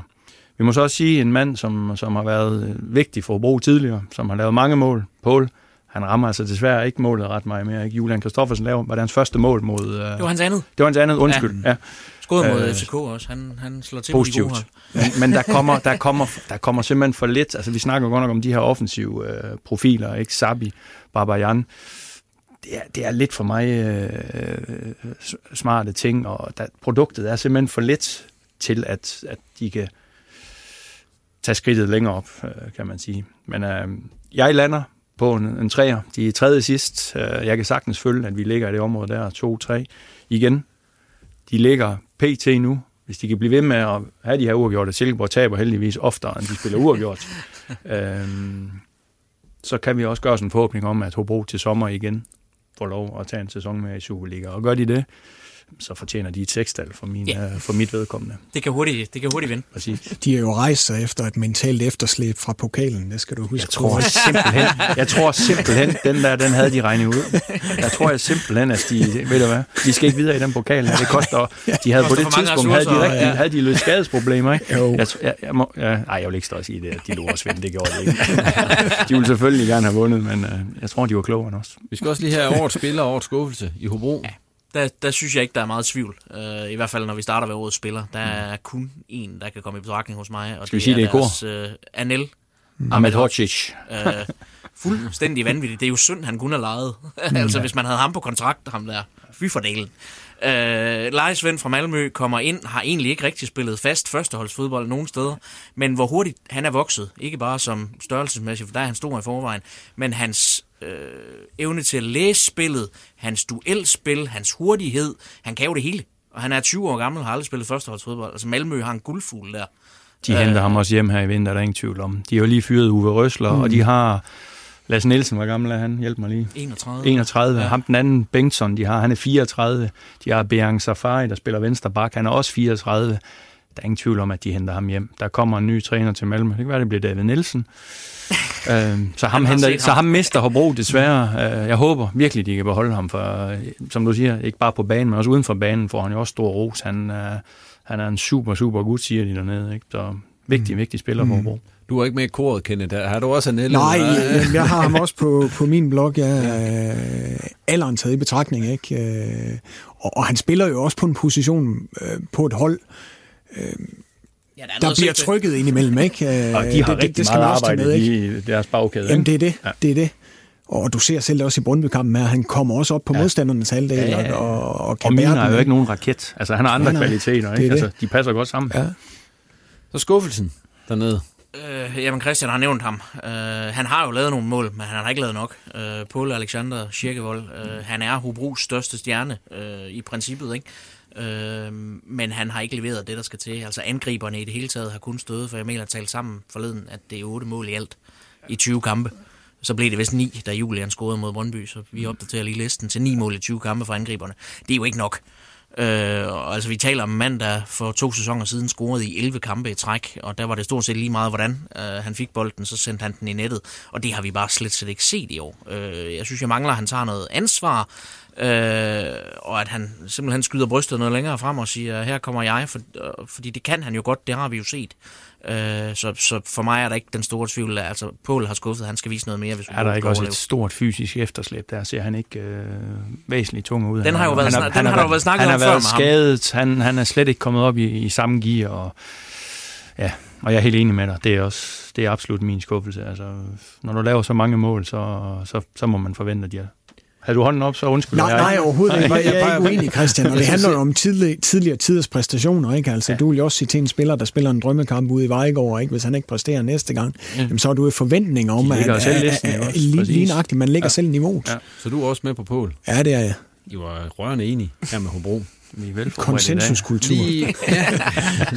ja, lækkert. Men vi skal lige øh, tage den her, hvad skal der ske i Hobro i vinterpausen? Nu har Barbajan jo for eksempel ude og melde ud, at, øh, som du også var inde på, Christian, at nu vil han senest væk til sommer. Altså, det, så ser man jo tit, så tænker man, så kommer han ikke til at spille nu. Ja, må jeg fortsætte, mens jeg er varm? Ja, ja. Jeg synes, det er helt håbløst at melde sig ud. Altså, prøv at, hvor mange gange har vi ikke haft spillere, der siger, og nu, jeg kan pisse godt lide Kasper P. Prøv at, han siger, var det i sommer, at jeg, nu vil jeg gerne ud og prøve noget. Det var så et eller andet, man, hvad, hvad grundene nu var til det, det må han om.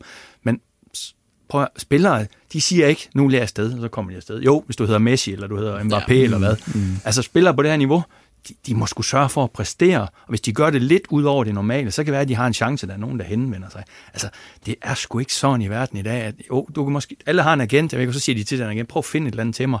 Prøv nu at høre her. Hold nu op med det der. Sørg for at præstere på banen. Hvis du præsterer godt nok, så kan det være, der er nogle andre, der bliver interesseret i dig. Mm. Det der med at sige, at jeg, og så har jeg synes, det er at sætte sig ud over holdet. Altså, jeg, synes, ja, ja. Jeg, synes, det, jeg synes, det er en forkert, og det, det tror jeg sgu også, Peter Sørensen, han kommer til at fortælle den her unge mand.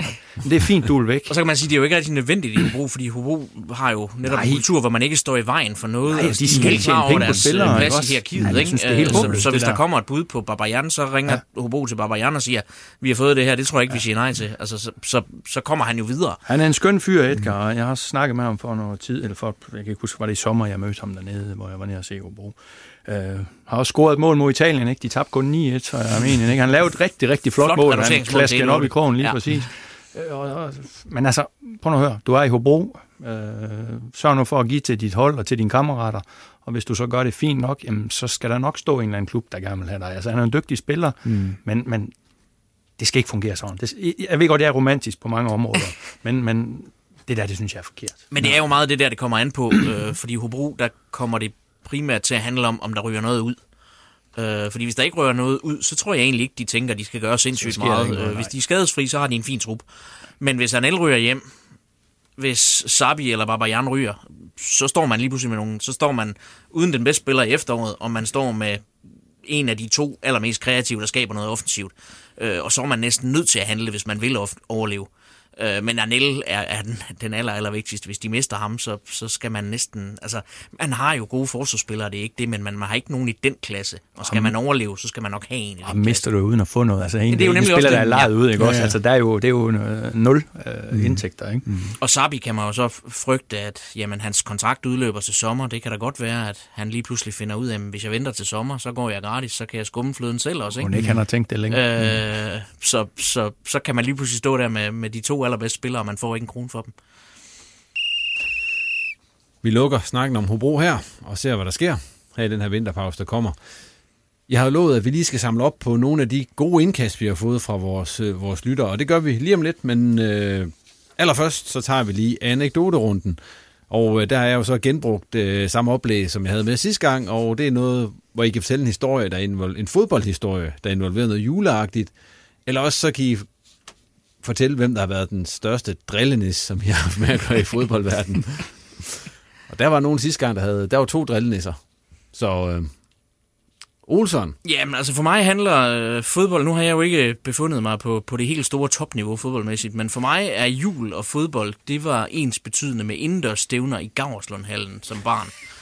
Uh, Hvor ligger det hen? Det ligger øh, lige mellem Vejle og Fredericia. Okay. Ja. Øh, og øh, det var simpelthen jo fast, at der kom alle de stærke hold for området til Gaverslundhallen der. Det var Eretsø, det var Middelfart, det var Fredericia og så videre. Og så var der indendørs stævne der, øh, og det var en fast tradition, og det var simpelthen ikke jul uden. Altid øh, anden juledag, tredje juledag øh, var, der, var der indendørs stævne. Og så vil jeg sige, at i dag øh, handler fodbold og jul. Det handler om anden juledag, og det at sidde sammen med min far og min storebror til Premier League øh, og simpelthen den her familiehygge, så tit er vi ikke samlet om sådan noget.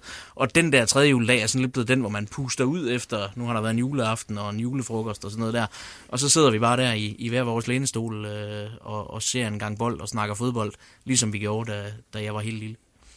Kenneth, er du en drillenes eller en juleagtig historie? Jamen, det er en juleagtig øh, historie her fra weekenden. Jeg var til OB's julestævne i indendørs fodbold med min knæks U9-hold fra Aalborg KFM, og det var ren nostalgi med speak, musik, spurtpræmier, alt det her. Altså, øh, drengene synes, det var det var mega sjovt, og det er jo med til at engagere dem interessemæssigt i, i fodbolden. Der var den her julestemning i, i hallen, og, og det at se en masse glade drenge, og så var der en enkelt pige, jeg lagde mærke til i U10 eliterækken derude, som var vanvittig god, som spillede for OB, øh, og som spillede med drenge ikke på, på højt niveau, og bare gjorde det fantastisk godt. Altså, sådan noget gør mig gør mig øh, gladere i, i godt julehumør, fordi det er jo det, fodbolden handler om, og når alt kommer til alt, også økonomisk set, så er det det, fodbolden skal leve af fremtidigt, at der er en faninteresse, at der er nogle drenge og nogle piger, der engagerer sig i, i fodbolden, ikke? Hvad var der i spurtpræmien ude?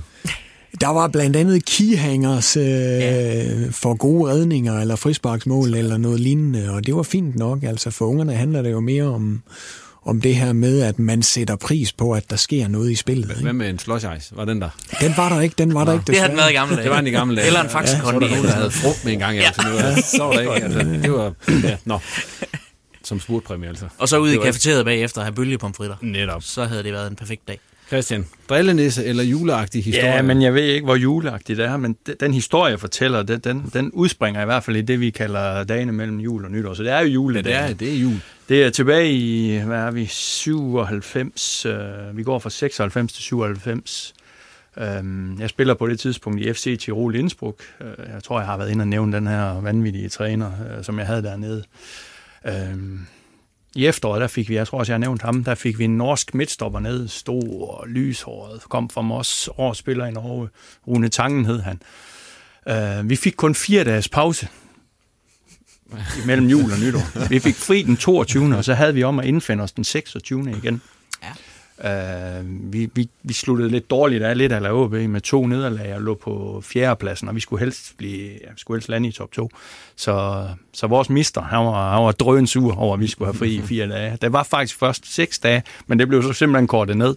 Så vi vidste godt, da vi landede der den 26. i snevejr i Innsbruck, det var sindssygt flot. Jeg ved ikke, hvor mange af jer, der har været i Innsbruck, men det er jo med bjerge og fantastisk øh, by. Øh, så der var snevejr, og der var koldt, så vi bliver kaldt ind. Vi skal have to træninger den 26. Den første, den er klokken 8. Og da vi kommer ind, der står, der står mister der. Han står ikke i julemandkostyme, det er så helt sige. Han havde en tyk hue på, den tyk jakke, og han, havde, han, havde, han stod bare med stopur i hånden lige præcis. Så blev vi ellers sendt ud på vores træningsbane. Der var stadigvæk en, en, en løbebane rundt omkring. Den var så fuld af sne. Den havde han bevidst sørget for, at den ikke blev ryddet. Så blev vi bare sendt afsted med at løbe der. Jeg tror, vi løb, jeg tror, vi løb 1000 meter. Jeg tror, vi løb den 10 eller 12 gange. Det sjove er, at Rune, han havde jo hygget sig i de fire dage, han var hjemme i Norge. da vi er færdige med runde nummer tre, der ligger han sig simpelthen ned og vi kan godt høre, det lyder ikke godt det der. Han ryger simpelthen op på knæ, og så kaster han bare op ud over hele løbebanen. Heldigvis så tøede løbebanen op lige der, hvor han kastede op. Træneren, han trak ikke en min. Da han fløjte i fløjten igen, og Rune han ikke lige kommer i gang, der råber han simpelthen efter Rune, så det halve det kan være nok. Og Rune begynder så at løbe efter, men efter 500 meter, så stopper han igen og kaster op igen. det, var, det, var, det var en tragisk jul. det lød hyggeligt. Ja, det var det også. Tak for den historie, Christian. Ja, velbekomme. Yes. Og så tager vi øh, indkasten her, og øh, vi kan starte her. Øh, Dalsgaard, altså Henrik Dalsgaard, han er forlænget i Brentford, og derfor kommer han jo ikke hjem sådan lige forløbet til OB, som der ellers har været snak om. Er der andre OB'er derude, som kunne komme hjem og styrke holdet sådan lige umiddelbart? Øh, jeg, jeg tænker mest af alt i, i den her forbindelse øh, på kombinationen mellem realisme, altså hvad kan lade sig gøre, også økonomisk, så er der noget villighed, altså vil spilleren, og passer han ind i den sportslige stabs øh, planer og strategi, det her med, øh, hvad betyder det for klubbens drift på, på sigt. Øh, den, der popper klarest op for mig, er Nikolaj Thomsen. Øh, Øh, det er den mest naturlige for mig. Han passer ind i spillestil, han giver løb, gennembrud, styrke, har en alder, øh, der taler ind i A-truppen derude, øh, også sådan i et udviklingsmæssigt perspektiv. Han har også tidligere haft gode relationer med andre spillere i truppen, for eksempel en kusk. Det tror jeg kunne være med til at løfte noget, og han spiller ikke meget i FCK. Der er også en som Lasse Nielsen og så videre. Er det urealistisk at tro, at han kommer tilbage til, til OB? Nej, altså ikke på sigt. Altså, jeg tror ikke, det sker nu. Øh, også fordi altså, det, han spiller stadig rimelig fast i Malmø, og, og det er jo ikke en klub, man, mm. man bare forlader. Altså, nu bliver de ikke mestre efter en, en fuldstændig vanvittig sidste spilrunde mm. i Sverige i år, men det er jo stadigvæk en topklub. Han er stadig i en god fodboldmæssig alder for en forsvarsspiller, så jeg tror ikke, det sker lige nu. De fik også en fed lodtrækning. Og de fik en, en fed lodtrækning. Hvad de fik? Øh, europæisk, ja, hvem fanden var det? Var? Pokker var de fik? Nå, øh, Nå ja. Undskyld. Øh, men, men, men nej, jeg ser ikke ham som en, der kommer hjem lige nu, men jeg snakkede med ham øh, i forbindelse med den seneste landsholdssamling i Aalborg, hvor han var med heroppe, og han er jo også en, der siger, at jamen, han glemmer aldrig tiden i OB. Han er helt klar herfra. Det var ikke... For ham ville det absolut være et fint sted at slutte karrieren, som han sagde det der. Er der andre, der sådan lige popper op? Ikke sådan umiddelbart, nej. nej. Altså, det er som, de to... som var realistiske. Nu snakker mm. du også om realisme og så videre, Kenneth. Jo, men også fordi Nikolaj Thomsen er han 26 eller noget. Altså, ikke? altså han, skal, han, jo, ja. han skal have gang i karrieren, altså spille en masse kampe med den alder, han har. Han skal ikke blive væk ret lang tid i hvert nej. fald, for, fordi ellers så, så bliver det svært at, at komme op på niveau igen. Ja. Ikke? Altså, det ser vi jo. Det tager noget tid. Ja. Vi tager næste indkast. Øh, og landsholdet generelt, fra U16 til A-landsholdet, der synes der var en overvægt af spillere fra den østlige del af Danmark. Ser panelet også samme skævvridning, og hvad kan det eventuelt skyldes? Er det, er det noget, en, en lytter har skrevet ind, han synes? Ja. ja. Jamen, øh, det er ikke noget, jeg har tænkt over, vil jeg ærligt sige. Øh, vi er et relativt lille land, hvor der er kort afstand fra både nord til syd og øst og vest. Øh, så, øh, man kan selvfølgelig sige, at DBU har hovedsæde i, i København. Det er nemmere for de her landstrænere at, at kigge. Øh, nu ved jeg så, at Lars Knudsen, han er jo så fra den her landsdel heldigvis. Clausen, som har været U19-chef, han er fra, han er fra Fyn. Mm. Øhm, men det har da ikke været noget, jeg har tænkt over hvis jeg skal være ærlig at sige. Det er jo sådan en god gammel, øh, jeg ved ikke, om man skal sige fordom, men, men, men ting, og den var især øh, meget fremme, øh, snakken omkring det i forbindelse med, da Morten Olsen var landstræner. Øh, fordi han nærmest aldrig var hjemme. Øh, han, han boede jo i, i Belgien og, og så det meste af sit fodbold på tv. Øh, der har været nogle enkelte gange, hvor man har tænkt, hvorfor er han med? Men det, det er ikke sådan, at jeg vil sige, det er en, en gennemgående tendens. Men det er jo så på A-landsholdet, hvis man ser U-landsholdene. U-landsholdene synes jeg absolut ikke, den er der. Altså, der, der, der synes jeg jo især, altså OB alene har jo haft utrolig mange spillere med på diverse ungdomslandshold igennem de senere år. Øh, der synes jeg ikke, den er gennemgående i hvert fald jeg, jeg tror, det var her i 2019, det kom frem, at øh, nu er der for første gang flere beboere på Sjælland end i Jylland. Det er jo kun marginalt, så det er jo ikke sådan noget, det handler om. Men, og, og det er også min pointe her. Det er ikke en forklaring, og, og, og svaret er jo mere nuanceret og komplekst end, end så. Altså, der er mange forskellige faktorer, der påvirker talentudvikling. Ikke? Altså, det handler om miljø i de involverede klubber, altså krydsfeltet i forhold til skole, familie osv. Så, videre. så handler det også om, hvordan... Øh, Altså man opgør tingene, altså over hvilken periode er det her opgjort. Øh, det, det, det er jo også relevant. Og hvad kastes der efter talentudvikling i bredde og eliteklubber i de pågældende øh, områder? Og hvad får man ud af investeringen? Så er vi tilbage til noget af det første, vi startede med at snakke om, altså det her med kompetencer og strategi og altså ressourcer ud over kompetencer, altså også økonomien. Ikke? Øh, og, og det er også sådan nogle ting, der der ligesom påvirker. Og kigger man lige nu på den aktuelle stilling i U19-ligaen, så er der flere hold øh, repræsenteret i toppen. Ikke? Øh, og det kan måske betyde noget på kort sigt, at hvis der er spillere øh, fra de her tophold, øh, der gør det godt, jamen, så er man måske mere med i loopet lige pt. i forhold til, hvad der sker på, på, på landshold. Nu ved jeg ikke, hvordan det er opgjort, om man også kigger på spillere, der spiller på U-landshold, der, der er bosiddende eller spiller i udlandet, men som kommer fra bestemte regioner. Altså det der med metoden og opgørelsen har jo meget at sige. Men er der nogle gange, hvor man altså, tænker sine tanker om, hvorfor er lige netop ham der ikke med? Fordi altså, for eksempel har jeg jo været chokeret over, at Joachim Mæle stadig ikke er blevet udtaget til det danske landshold som, som backup for en Henrik Dalsgaard. Ja, helt enig. Vi har en, en højre bak, der tidligere OB'er, som leverer på et gennemgående højt niveau øh, i en efterhånden ret stærk liga og spiller fast europæisk. Han var en stjerne, da han først fik chancen i U21-slutrunden i sommer. Mm. Øh, det er da en mand, man burde kunne udvikle på, vil jeg sige. Øh, jeg så tror at bare, han ikke... svaret ligger i, at vi har haft en, en, en landstræner, som har holdt ved det, som egentlig har fungeret godt hos ham, Ja. og så har han ikke kigget ret meget på, hvad der har været. Og Dalsgaard, vi må bare sige, Dalsgaard han spiller 95-96 procent af de kampe, som han, mm. som han nu engang kan spille, både på klubhold. Han er stort set aldrig skadet. Han er ude, hvis han har advarsler eller karantæner, ja. mm. ellers så spiller han, og det har han gjort i rigtig, rigtig mange år. Og det synes jeg også er helt fair, det var men, faktisk men spiller, vi backup, var tæt på jeg- her i sommer også med Gladbach, vil være vant at sige. Ja, det er jo en interessant debat, det der også med, altså nu har du været træner i AGF i U19-ligaen, ikke? Altså mange af, af klubberne med A-licens er jo positioneret i, i Jylland, altså mange af dem, der spiller i, ja. i U19-ligaen, ja. så det her med struktur i fodboldsystemet, øh, hvad er DNA'en i klubberne i forhold til det der med 25, 50, 25, matcher man op af, med, med, med større talenter, øh, eksempelvis, altså licenssystem, mm. talentspil og nogle af de ting kan jo også have noget øh, at sige her, ikke? Så det er komplekst og nuanceret, det er ikke sådan bare lige et entydigt svar, man giver på det, ikke? Men, men jeg synes, det er interessant, at mange af klubberne i U19-ligaen er jo placeret i, i Jylland. Men for at sige det kort, jeg tror ikke, der er en Mod øh, hverken Aalborg Nej, eller man udtager det, eller man synes, der er de bedste. Det, det findes ikke, det der. Altså, vi skal have så og så mange derfra, så og så mange derfra, og så og så mange derfra. Det fungerer. Mm. Det, sådan, det nægter jeg simpelthen at tro på. Vi går videre.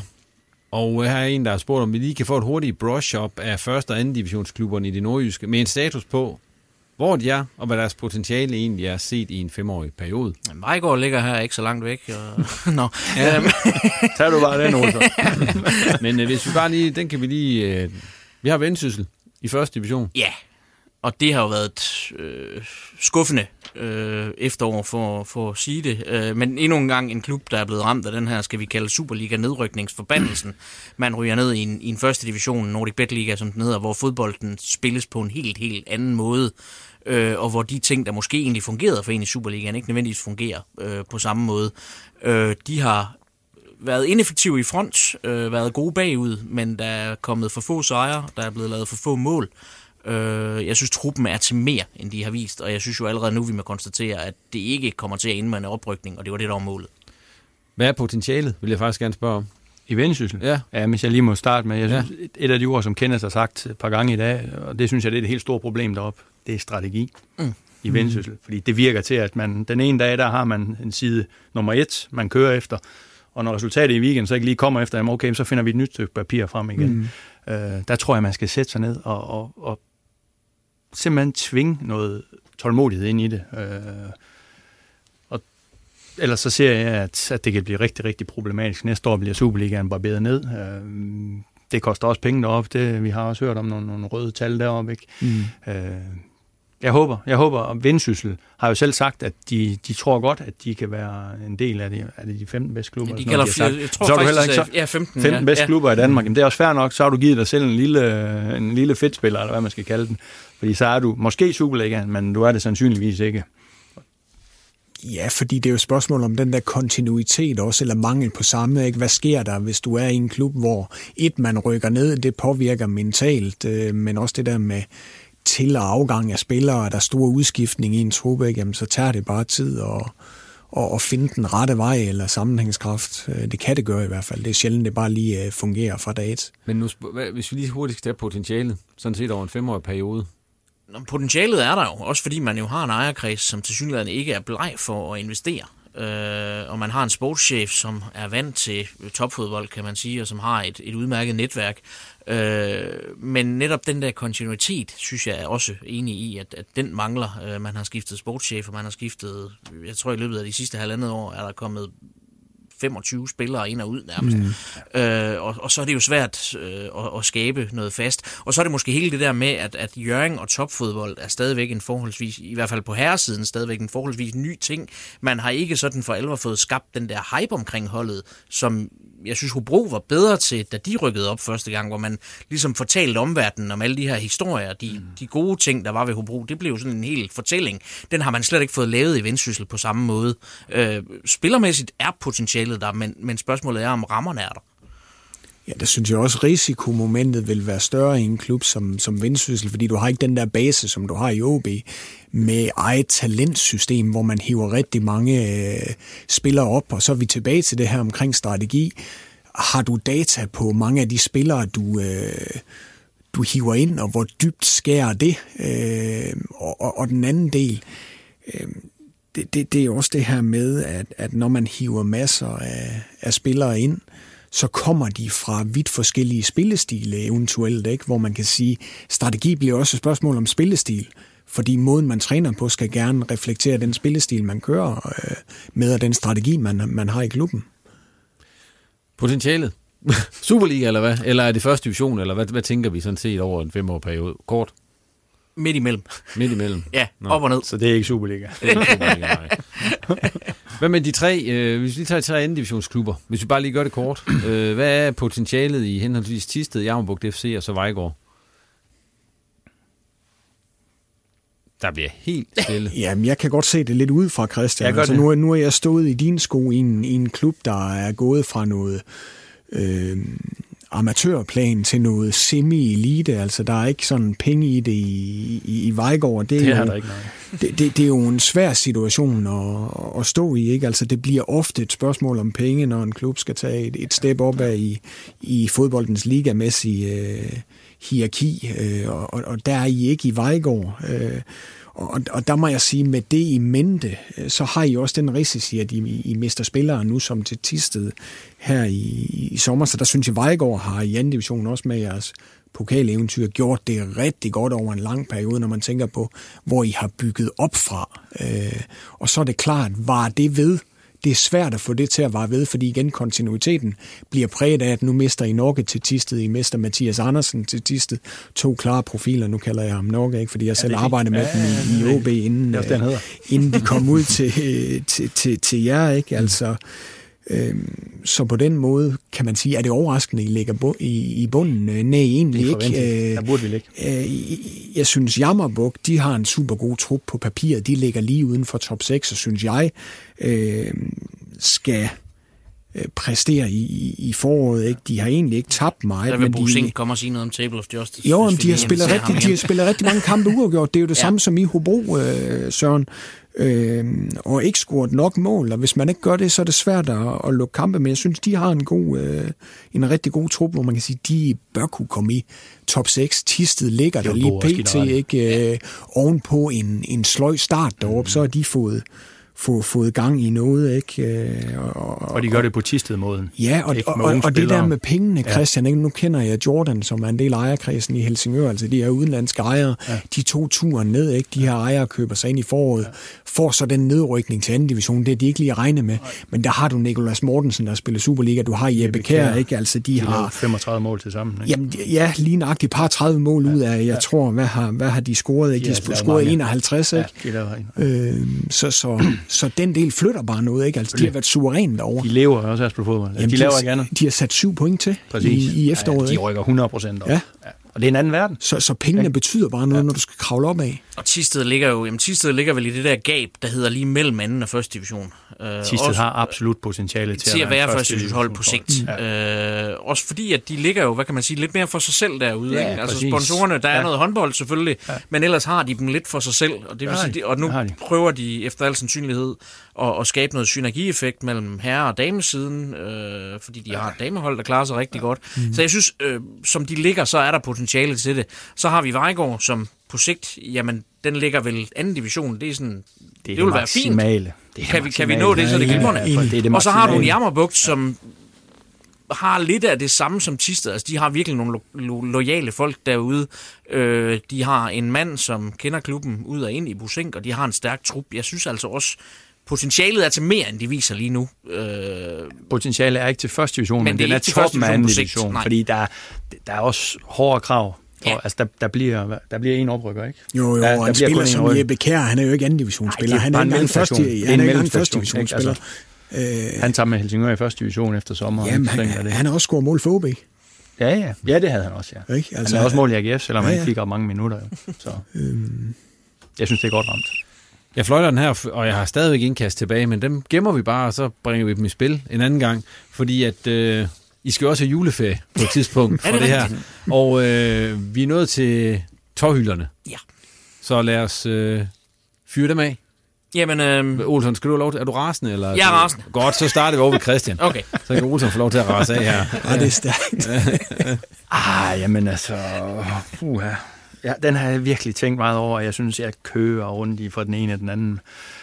Øh, men spillernes magt i, i fodbold, den, den synes jeg simpelthen, den har nået alt for store højder. Og, øh, jeg synes, jeg synes, det er noget, jeg synes, det er mark, ikke? Så, så hører man i sommer øh, Neymar, han vil ikke være i PSG, og øh, så bliver han piftet lidt af hans egen tilskuer, og han bliver svinet til af modstandere, fordi at han opfører sig som en lille tøs. Og det var ikke for at nedgøre en pige eller noget som helst, men... Nej. Og så, og så hører jeg her i sidste uge, nu siger han lige pludselig, jeg har det godt i PSG, nu vil jeg være her. Altså prøv at høre, hvor, hvor meget tror han, at folk de tror på hans pis, for at sige det rent ud. Ikke? Altså det er et, hvor er det ærgerligt, at så fantastisk en fodboldspiller, han er udstyret med en eonjern. Altså, uden at sige noget grimt om æren. Uden at sige noget grimt om æren, lige præcis. Men altså, altså, det er jo bare spild og skam, at, at, uh, fordi han, han kunne jo han kunne trylle, som du står og siger, ikke? Altså, han, kunne, han kunne gøre så meget fantastisk for fodbolden. Uh, nu er han kun interesseret i at uh, være på sociale medier og, mm. og, og der tjene penge, så det gør noget, i stedet for at skabe sig et, et eftermæle, hvor folk mm. de stadigvæk snakker om ham. Men den der han stopper med at spille fodbold, der snakker de ikke om ham på samme måde, som man har snakket om Maradona, om Pelé, mm. Messi, Ronaldo. Altså han kommer aldrig op på det niveau der, fordi han er så nærenjern, for at sige det rent ud. Ikke? Det er jo som vi snakker om med Hobro, altså stå i processen, ikke? Ja, i stedet præcis. for at fokusere på det, det handler om. Prøv at høre, det er en holdsport. Ja, ja. ja. Og der er selvfølgelig profiler, men øh, heldigvis er der ikke mange af, af hans slags der, mm. men ja, vores gode venner i København også, der, der, der, der lige har fået at vide, at han ikke skal fortsætte. Ikke? Nu er jeg i gang med at rulle. Ja, altså. ja, nu husk, husk at lov til at altså, Man skriver en bog, eller man er med til at skrive en bog, hvor, hvor du simpelthen fortæller, altså prøv at høre, der sker ting, om det er i fodbold eller i virksomhed, eller hvor det er, de ting, der sker internt, det holder man til, man. Du går ikke udlevere dine din holdkammerater, som du har spillet med, uanset om du så kun har spillet sammen i et halvt eller et helt år, og hvor meget du så hader hinanden. Alle har et eller andet at fortælle om hinanden. Det, det går man ikke ud og udlevere, ikke engang i en bog, for, for, for, for at, at få lidt ekstra penge i lommen. Altså, igen, jeg er romantiker, jeg ved det godt, øh, men jeg synes, det er forkasteligt, for at sige det rent ud. Mm. Olsen, er du mere rasende end det der? Ja, ja. ja, okay. okay, det, glæder, det glæder jeg mig altså også Jamen, jeg vil sige, at jeg er også romantisk anlagt som dig, Christian, altså, fordi vi, vi er ude i lidt af det samme her øh, om, om, omkring den kommercielle del, eller pengenes indtog. For, for mig at se, at det øh, omkring prisudviklingen øh, på billetpriser i, i visse dele af fodboldøkonomien, for eksempel i Premier League over tid, øh, hvor det, den her kommercialisering af, af fodboldprodukter har været med til at, at, at drive rovdrift på det, jeg kalder kernen i det her økosystem, øh, netop fansene, der jo altid må betale en højere pris. Ikke? Det, det synes jeg er problematisk, mens for eksempel agenter eller spillernes såkaldte øh, rådgiver, ikke? de hiver deres øh, andel ud af det her samme økosystem, og så kan vi diskutere, handler det om penge, eller handler det egentlig om at yde en god rådgivning, så vi får øh, øh, nogle ting, som fungerer bedre i, i fodboldøkonomien. Undskyld, altså, var der ikke en opgørelse her om, hvad, hvad, hvad danske klubber havde brugt på agenter i 2019? Kan det ikke passe, at der har været sådan noget? Jo, og man kigger også på det internationale. Altså, jeg mener, ja. hvad hedder han? Pogbas uh, agent, er det ikke Mino, Mino Raiola? Han hævde 160 millioner dengang. Uh, han øh, skiftet fra, fra Juve til, til Manchester, ikke? Ja, ja, lige nøjagtigt. Det er god rådgivning. Og, og, jamen, det er, jo, det, det er jo vanvittigt, og der, der synes jeg sådan lidt, at fodbold øh, bevæger sig langt væk fra det her public service produkt, det var før i tiden. Og, og, og der må jeg sige, øh, der, der er det jo spørgsmål om udbud og efterspørgsel. Det er jeg med på sådan set 100%. fra en økonomisk vinkel, men jeg kan godt lide tyskernes tilgang.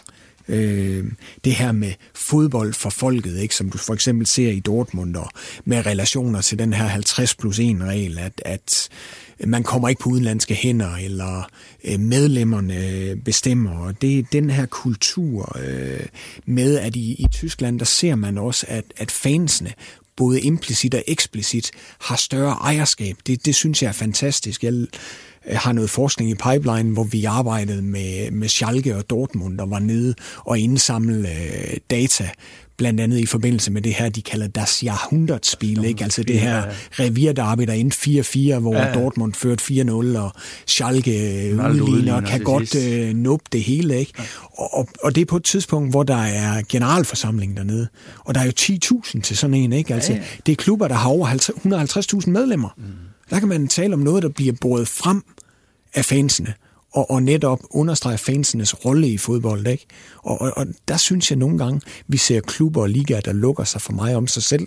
Og jeg synes sgu da også, øh, at, undskyld sproget, at 3700 tilskuere her til kampen mod... Øh, øh, mod Nordsjælland, det er for lidt. Øh, der var flere ude at se håndbold, var der ikke det? Og, og, og, og fodbold med den popularitet, det både har i Danmark på verdensplan, bør bare være the best show in town. Jeg ved godt håndbolden. Jan Larsen, dem derude, ros til dem, de gør det pissegodt, ikke? Men, men vi bør kunne gøre noget mere, ikke? Men det handler om at sætte, sætte øh, fansene i, centrum. Det blev et, en lang tårhyler. en lang tog fra Kenneth Korsen. Og Olsen. Meget på sin plads. Og nu kommer han. Jamen, altså, jeg tager et smut til Italien, som af en eller anden grund er et land, der bliver ved med at eksistere cirka 50 år bag ved alle os andre. Uh, igen i år et uh, en serie A, der er hæmmet af den ene racisme-sag efter den anden. Og hvad gør ligaen? De går ud og laver en antiracisme-kampagne med billeder af tre aber.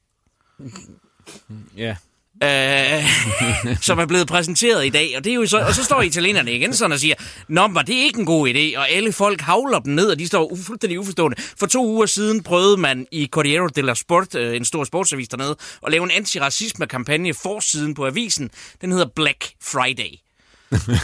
vi taler om et land, der simpelthen på nogle punkter er så tilbagestående, at det halve det kan være nok, og at de ikke snart fatter. Du har set spillere som Lukaku, den ene efter den anden, der går ud og siger, vi er nødt til at gøre noget ved det her. Og alle folk står sådan, det er da ikke så slemt, og der, der var nogen, der sagde nogle lyde, men jeg synes ikke, det lød som næb. Tag jer nu fucking sammen, det her, det skal udryddes, og det skal være nu. Glædelig jul, Olsen.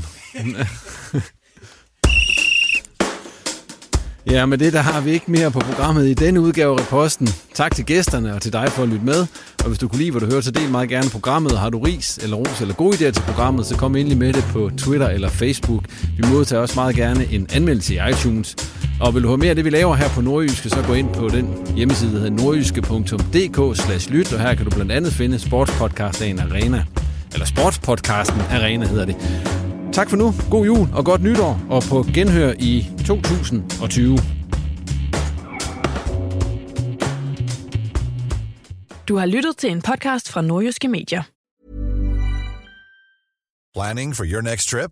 Elevate your travel style with Quince. Quince has all the jet-setting essentials you'll want for your next getaway, like European linen, premium luggage options, buttery soft Italian leather bags, and so much more. And it's all priced at 50 to 80% less than similar brands. Plus, Quince only works with factories that use safe and ethical manufacturing practices. Pack your bags with high-quality essentials you'll be wearing for vacations to come with Quince. Go to quince.com slash trip for free shipping and 365-day returns.